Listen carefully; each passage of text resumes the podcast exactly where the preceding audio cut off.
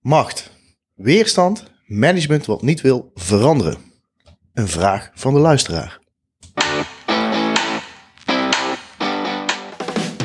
Welkom bij Gewoon Veranderen, de podcast. Dit is de plek waar wij het hebben over simpel organiseren. Want laten we eerlijk wezen, niemand houdt van regels en bureaucratie. Ik ben Thomas. En ik ben Kevin. Luister met ons mee en verander gewoon. Welkom. Daar zijn we weer, Tom. Zeker weten. Ik heb er weer zin in. Ik ook. En het liefst duik ik meteen de inhoud in. Maar dat doen we niet. Dat is een valkuil. Zeker. We doen eerst een check-in. En de check-in vraag voor vandaag is: als kind, wat vond je nou helemaal geweldig? Zal ik beginnen? Ga je gang. Want deze is voor mij heel simpel en dat is Lego. Lego vond ik geweldig. Lekker dingen bouwen. Wat, wat is it. dan? Nou, van alles. Ik was wel vaak een beetje van de historische dingen. Dus eh, kastelen, piratenboten, dat soort dingen. En wat ik dan wel heel tof vind, is dat mijn eh, zoontje nu inmiddels ook op de leeftijd is... eh, waarmee hij met, met de Lego gaat spelen. Sterker nog, mijn oude Lego. Ah, Dus heel eerlijk gezegd vind ik het misschien wel veel leuker dan, dan mijn zoontje. Om op zondagmiddag lekker met de Lego te gaan spelen. Want dat brengt natuurlijk jeugdsentiment terug. Doet me ook een beetje denken aan ons werk. Er wordt ook vaak gelego'd. Lego workshops, Lego serious games. Ja, klopt. Bouwen met Lego is toch wel echt te gek. Ja, ja. En bij jou, wat, eh, wat deed jij als kind graag? Veel tekenen. Dat, dat is echt wel het meest bijgebleven. Tekenen en schilderen en knutselen en dingen maken. Verbaast mij nou helemaal niks. Als je gewoon naar ons kantoor alleen al kijkt. is eigenlijk nog steeds, eigenlijk doe je het nog steeds elke dag, toch? Eigenlijk probeer ik het nog steeds elke dag te doen. Ik kan niet zo goed met tekenen, moet ik wel zeggen. Maar wel eh, dingen creëren, dingen maken. Gewoon lekker bezig zijn. Iets, ja, Ja, eh, iets in de wereld brengen wat er nog niet is. Net zoals deze podcast. Ja, En daarover gesproken, mooi bruggetje hè. We gaan aan de gang, want we hebben een heel mooi onderwerp voor vandaag. Of ieder ja, onderwerp, we hadden eigenlijk een vraag. Een vraag van de lezer. ja. Of de lezer niet, de luisteraar moet ik zeggen. ja we, hebben eigenlijk een, een- een- een- we kregen een vraag van Mr. X. Want we moeten een beetje, een beetje zorgvuldig omgaan met, eh, met deze vraag. Omdat het is nogal een gevoelige vraag namelijk. Klopt, de vraag is enorm gevoelig, want het gaat over weerstand en macht. Dat zeiden we net al. Hoe ga je om met managers die niet mee willen in een verandering? En je ziet natuurlijk dat er veel meer zelfsturend, zelforganiserend gewerkt wordt. Dat soms agile, soms zijn dat andere frameworks. Ik denk dat het niet heel erg gaat over eh, een specifieke context. Maar hoe ga je vooral om met managers die niet mee willen in een bepaalde verandering? Ja, en er wordt iets anders van managers gevraagd. Zeker. Daar is veel over geschreven en over gezegd. Hebben we zelfs een podcast over gemaakt? Zo is het. Ehm, wat doe je nou op het moment dat iemand daar dus gewoon niet in meegaat? Niet in meebeweegt en de belemmering gaat, voor, gaat vormen voor de transitie. Als jij daar nou eens even over uitweidt, want ik ben benieuwd om te horen, gewoon even, wat denk je? Ja, Hoe ik zou eh, denk ik eh, toch uiteindelijk gewoon een pistool meenemen. Goed idee. Ja, dat is in ieder geval eh, een snelle oplossing. Nee, nou ja, dit is, dit, is, dit, is echt, ik vind het een moeilijk onderwerp. Daar moet ik heel, eh, heel eerlijk over zijn. Hè? Dus van, eh, van hoe ga je hiermee om? Ik weet wel dat, eh, ja, we kennen allemaal wel de voorbeelden van dat je de, iemand hebt in een positie met, met macht binnen de organisatie, die dus ook daadwerkelijk dingen te zeggen heeft, dan wel formeel mandaat heeft om besluiten te nemen en daardoor ook dingen tegen te houden, dan wel informeel veel macht heeft. Mhm. En die persoon die belemmert mensen, belemmert daarmee de organisatie. Iedereen heeft er last van, eh, maar heeft er zelf niet door. Of heeft het wel door, maar doet er niks aan. En dat, dat laatste, dat is eigenlijk natuurlijk helemaal eh, onvergeeflijk. Maar er zijn ook heel veel mensen die het zelf niet doorhebben. En dat is, eh, dat maakt het wel lastig, hè? Want dan, ja, hoe, ga, hoe, hoe ga je daar met iemand over in gesprek? Ja, kan pijnlijk worden, denk ik zomaar. Super pijnlijk. En dat geval, dat ja. is wel, eh, en, en risicovol ook voor jezelf. Ja. Nou heb jij daar meestal niet zoveel moeite mee om dan, om dan zeg maar die bottenbel erin te gooien. Dat zeg ook, je vindt het wel leuk denk ik. De bottenbel is wel mijn, eh, Trademark. ja, mijn trademark, inderdaad. Ja, nee, jij hebt daar iets minder moeite mee. Maar dat is niet zozeer omdat je niet om, eh, om, om, om de betreffende persoon geeft of daar geen begrip voor hebt. Maar dat is in mijn beleving altijd omdat je ja, zo verschrikkelijk van doordrongen bent. Hoe belangrijk de rol van management is in zelforganisatie. En hoe belemmerend het ook kan zijn. Ja. Hè, dus dus ehm, ik ken jou, hè, dus het kan er af en toe eh, in die zin eh, kan er, hard- het kan er hard in gaan. Hè? Maar het is wel vanuit een bepaalde intentie, dus omdat je het gewoon heel erg belangrijk vindt. ja, het is ook gewoon belangrijk. En, en het gaat over mensen. Ja, En daar moet je met eh, enige finesse mee omgaan. ja, Er zijn natuurlijk altijd persoonlijke belangen. Ehm, en dat kan ik ook begrijpen. En daar is op zich niet eens zo heel veel mis mee. Alleen het gaat er vooral om bekijken het vanuit het grotere plaatje. Bekijken het vanuit waar de organisatie voor staat. Wat je hier bent om op te lossen. Ehm, doe je het een beetje goed voor... Ja. Het is eigenlijk wel altijd vanuit liefde. Ook al zullen, zal niet iedereen dat herkennen. niet zo ervaren. Nee. Nee, dat doet gewoon fucking pijn. Ja. Het doet gewoon fucking pijn als je in staat bent, en daar ben jij goed toe in staat, om net die vinger op de zere plek te leggen. En dat doet gewoon pijn, want dat betekent, weet je wel, mensen, ja, ja. En maar hoe ga je dat, weet je, dat is dan wel de volgende vraag. Van oké, we, we hebben dus te maken met een vraag vanuit de luisteraar. We hebben te maken met een situatie, Mr. X. En die geeft eigenlijk aan, ik heb te maken met een manager die veel macht heeft binnen mijn organisatie. En die belemmert onze transformatie naar meer zelfsturing. Ehm, omdat die persoon weigert om zijn gedrag aan te passen. Het belangrijkste wat ik zou willen zeggen is, it depends. Eh, dus het is best wel situationeel. En zo bekijk ik het ook. Heb je veel tijd? Heb je weinig tijd? Ehm, Bij, bij weinig tijd komt een pistool goed van pas. dan komt dat pistool heel goed van pas. Ehm, is ook wel lastig, denk ik. Ja, maar goed, laten we het, heel- verbale pistool, laten we het daar misschien aan bijhouden. Het verbale pistool. Ja, Ja. Die kan dus alleen... Kijk, you don't bite the hand that feeds you. Dus dat ligt eraan. Is het degene aan wie je rapporteert? Dan moet je voorzichtiger zijn. Eh, dus hoe ziet de hiërarchie eruit? Dat is met name deel 1 waar ik naar kijk. Deel 2 waar ik naar kijk. Hoe zien de informele relaties eruit? Kan je iemand... ehm, heb je een goede relatie met die persoon? Heb je dat al opgebouwd? Hebben jullie vertrouwen ehm, in elkaar, met elkaar? Hebben jullie respect voor elkaar? Dat is twee. En de derde is hoeveel waarde lever je? Wat, wat, wat heb je geproduceerd en wat heb je laten zien, waardoor dat je je waarde voor de organisatie laat zien? Hoe meer waarde je voor de organisatie hebt laten zien, hoe meer goede relaties je hebt, hoe harder je er ook tegen een leidinggevende, tegen een manager in kan gaan. Hoe meer krediet je hebt, zou je Hoe kunnen zeggen, krediet. binnen, binnen, binnen de organisatie. Dus daar kijk ik heel erg naar. En verder ehm, probeer ik ook wel mensen tijd te gunnen. Van, vergaat de wereld nou als we dit niet aanpakken? Of kan dit nog wel even, kunnen we dit nog even laten gaan? Ja, kun je iemand de, de tijd geven om die verandering door te maken. te, ja. Ja. En een stukje conflictresolutie. Want je, soms zal je toch het wel moeten gaan zeggen. En de ene keer valt dat goed en de andere keer valt dat slecht. Dus daar zit een risicootje in. En dat neem je. Alleen de kunst is vooral hoe ga je er vervolgens mee om. Het is niet erg dat het even een beetje vurig is. Alleen hoe ga je ermee om? Schiet je zelf in eh, een stukje angst en onzekerheid. Dan ga je ook klappen uitdelen als andere mensen klappen uitdelen. Daar wordt het heel gevaarlijk. Mhm. En veel praten. Uitleggen, op het gevoel inspelen. Dit is wat ik zie. Dit is wat het doet met me. Of met anderen. Dit is het effect op de organisatie. En inleven. Wat is iemand zijn belang? Waarom doet iemand dit? Wat wil hij bereiken? Waar is hij mee bezig? En dan ga je nadenken over, ja, waar komt het vandaan? Maar wat doe je op het moment dat ze van ehm, eh, even het beeld voor me halen. Ehm, we gaan uit van de situatie. Hè? Mr. X die is onderdeel van een team. En eh, hij constateert dat eh, zijn eh, manager niet effectief is. Sterker nog dat er eh, mensen afhaken en weglopen. Daardoor. Ehm, en dat daardoor ook ja, dat belangrijke besluiten niet worden genomen. Ehm, en dat staat de verandering in de weg. Mensen lopen weg en de verandering Wordt, wordt belemmerd. En je zit in een team en je constateert dat. Wat doe je dan? Heb je, heb je de verantwoordelijkheid überhaupt naar, om daar iets mee te doen als teamlid? Vraag ik me even hardop af. Als je er last van hebt, zeker.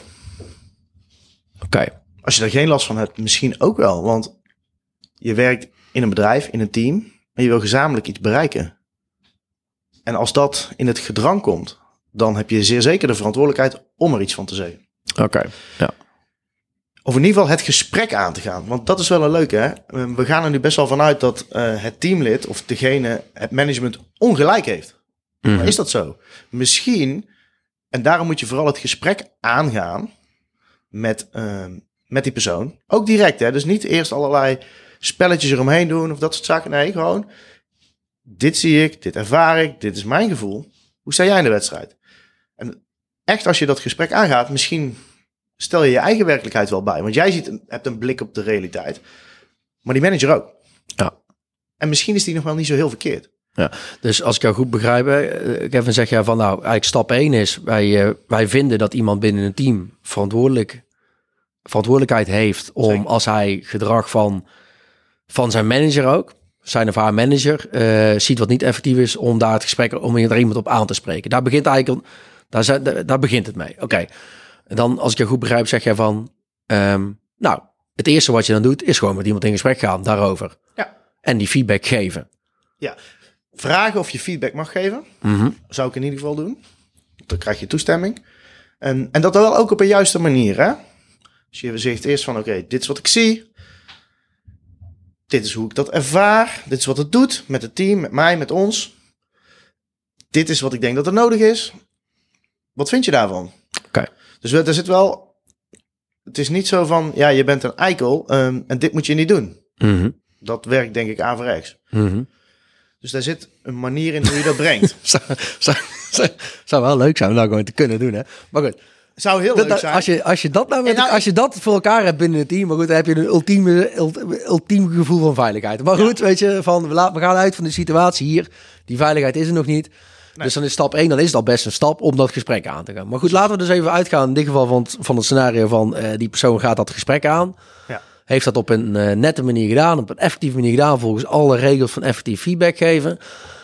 En Verwacht dus dan geen resultaat per direct. Want de meeste mensen gaan niet over één nacht ijs. Nee. Moet je even over slapen en dan moet toch ook even... Want ja, feedback is nooit leuk. Voor jou niet, voor mij niet, voor niemand niet. doe pijn. Ja. Het doet pijn. En het eerste wat ik denk... Als jij mij bijvoorbeeld iets zegt van... Ja, Kevin, zus, zus en zo. Dan denk ik, eikel. Hou je mond. Ja. Dit wil ik niet horen. Ja. En dan ga ik naar huis en dan s'avonds, als ik dan rustig op de bank zit en de kinderen op bed liggen, dan denk ik, ja, Misschien zat er toch wel wat in. ja, Oké. Maar goed, laten we, oké, maar laten we uitgaan in dit geval van het scenario van, eh, want ehm, stel iemand denkt erover na en eh, gaat daarna eigenlijk eh, dat aanpassen. Dat is, het- dat is het mooie scenario. kom maar, ja, dan zijn we klaar. Ja, we gaan nou uit van het scenario van iemand heeft dat gehoord, Gebeurt niet, hè? gebeurt helemaal niks. De, de, om voor reden dan ook, hè, maar er gebeurt niks. Er, zeg maar, het er is geen verandering in gedrag van, in dit geval, die manager met macht. Dus je heeft macht in organisatie. Wat, wat, wat zou dan de volgende stap kunnen zijn voor iemand? Nou, ik zou sowieso in gesprek blijven. En wat je te weten wil komen is, waarom doet iemand dit? Je probeert iemand te begrijpen. Wat zijn zijn KPI's? Waar wordt hij door aangestuurd? Wat zijn zijn, wat gelooft hij over de realiteit? Dus ik denk dat je dat gesprek blijft voeren, zoveel mogelijk als kan.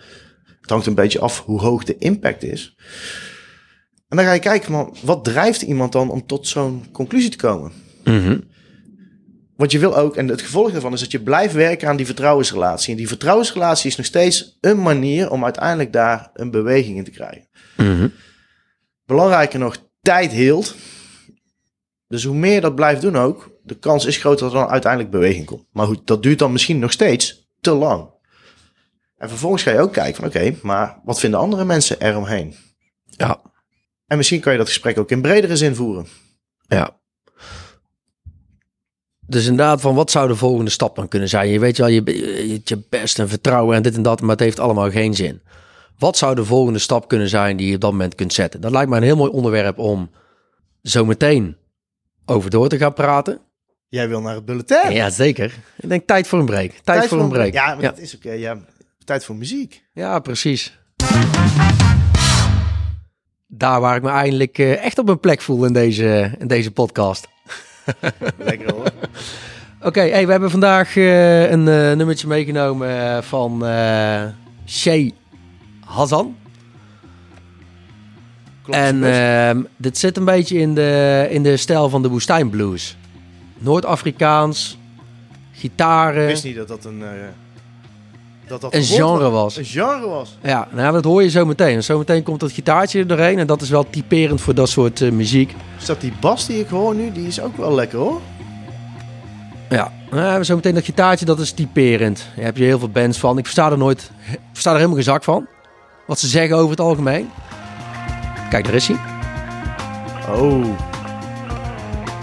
Ja hoor. Hè? Dit is wat ik bedoel. Ik versta dus nooit geen zak van dit soort nummers, want ze zingen over het algemeen dan in het Arabisch. Eh, dus nou, Is niet je tweede taal. nee, is niet mijn tweede taal, dat ken ik niet. Ehm, maar het voelt goed. Ja. Het voelt goed. Er zit altijd een bepaalde vibe in en daarom eh, vind ik het heel tof. En wat nou het grote voordeel is aan dit nummer, dan ga ik mijn punt maken over dit nummer. Oeh. Komt hij aan hoor? is het heet eh, Remove the Talk. En dat heeft natuurlijk betrekking op, op het werk wat wij doen. Ja. Ehm, weet je, dit nummer heeft gewoon eh, niet de praat, wel de gitaar. Daardoor lekker simpel. En als dat vertaalt naar ons werk, oftewel weg met alle bullshit. Want dan ontstaat de muziek in jouw organisatie. Zo. Kwel, kwel, Nou, die kan op een tegeltje hoor. kwel, kwel. Die Maar kan echt op een tegeltje. Maar ik vind hem wel mooi. Want inderdaad, het is wel zo. minder is vaak wel beter. Kijk. Oh, ik vind dit echt een lekker nummertje. Vet hè? Ja, het is die... Het doet me denken aan zo'n festival vibe. Lekker in het zonnetje. Ja. Met een biertje, met elkaar. Oh. Oké.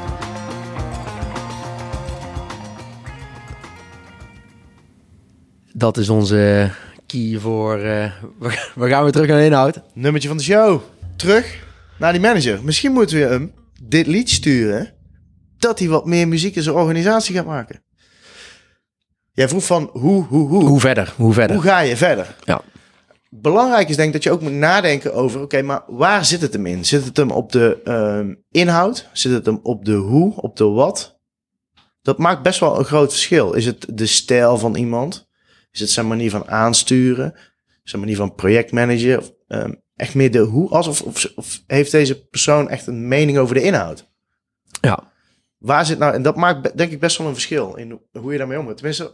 Of, Nou, ik probeer hem te begrijpen. Ik zit even... eh, eh, want ehm, eh, in de zin van, van hoe je dus iemand gaat bewegen... om zich anders op te gaan stellen. Ik, als, als ik het goed begrijp, zeg jij van... oké, dan maakt het uit van op wat voor manier iemand... wat voor manier iemand acteert. Over de lijn van de inhoud of over ja. de lijn van het proces.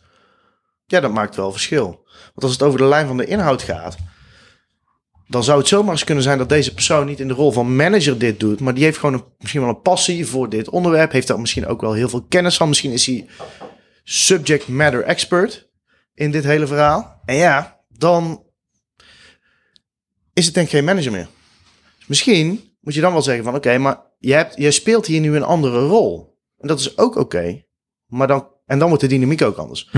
Als het gaat over de hoe-as, dan is het misschien iemand die veel meer in zijn managerrol zit. En dan ga je dus wel anders handelen. Dan gaat het over hoe stuur je mensen aan, hoe coach je mensen en hoe coach je ook deze persoon. En staat hij daarvoor open of niet? Dus ik kies daar wel een andere aanpak, denk ik. En dan ga ik ook andere informatie ophalen. Want als het dus over de managementstijl gaat, dan ga je veel meer kijken naar, oké, maar wat drijft iemand om deze stijl te laten zien? Ja. En dat is ook waar je... Dat is ook waar de interventie Zit. zal moeten zitten. In welke vorm dan ook. En onze eerste interventie voor de break was: oké, je gaat met iemand daarover in gesprek. Hè, zitten we nu van, nou, dit, heeft geen, dit, dat heeft geen, ja, dit heeft op dit moment geen nut. Wat, wat, wat doe je dan? Hè? Dan ja, je zou natuurlijk kunnen zeggen van, oké, ik ga, eh, ga opschalen. Hè? Van, eh, ik ga kijken of ik, eh, of, of ik mensen op, op misschien op een gelijkwaardige positie van die betreffende persoon kan, kan meenemen in dit verhaal. En kijken of vanuit die, vanuit die richting een gesprek aangegaan kan worden. Wat het misschien wel effectief maakt. Ehm het is wel gevaarlijk deze route natuurlijk. Want dan ga je iemand, Om iemand heen. dan ga je om iemand heen. Maar ja, eh, misschien is het op een gegeven moment wel een keer noodbreekwet. Hè? Kijk, op het moment dat de organisatie echt te veel mensen last van heeft en mensen lopen weg.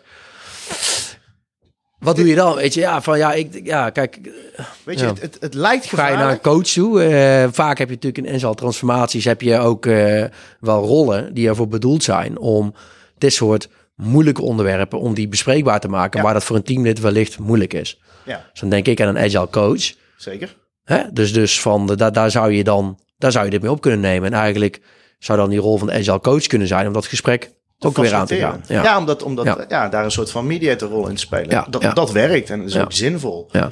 Als wij ons dan verplaatsen in de rol van agile coach. Ja, maar wacht, voordat we daarheen gaan. Je zegt van ja, het is misschien wel gevaarlijk om daar omheen te gaan. Mhm. En eh, ik denk vaak dat dat zo ervaren wordt. Ik vind, ik zou, het zou niet gevaarlijk moeten zijn. En ik ga je ook uitleggen waarom. Het is namelijk niet per se, het is niet persoonlijk. Die manager die doet niks verkeerd. Die doet echt wat hij gelooft. En die wordt ook gedreven door druk om hem heen. Die manager die is goed. Dat is een goed mens. Punt. Ja. Daar gaan we vanuit. Nee, Ja. ja. ik, dat, Nee, daar gaan we vanuit. Dat, dat is, dat zeg ik heel nuchter. Dat is ons uitgangspunt, namelijk altijd. Ja, Mensen werken vanuit een goede intentie. ja. Ook die manager die niet meebeweegt. Ook die manager die, mee, die niet meebeweegt. Ja. Waarom beweegt hij niet mee? Omdat er druk... Hij zit... Deze persoon, ik zeg een hij, maar dat is natuurlijk, kan ook een zij zijn. Ja. Zit in een systeem die hem drijft tot dit gedrag. En daar moet je naar kijken, denk ik. Ja. Waarom ontstaat dit gedrag? Kijk, ik kan een heel mooi verhaal vertellen dat jij ehm, linksaf moet gaan. En ik coach jou, want links is mooi, links is mooi. En dan zegt eh, de organisatie, als jij rechts gaat, krijg je een hele dikke bonus. Als jij rechts gaat, dan eh, krijg je nog meer status. Oeh. Krijg je nog meer Ja, macht. daar zit de spanning tussen. Ja.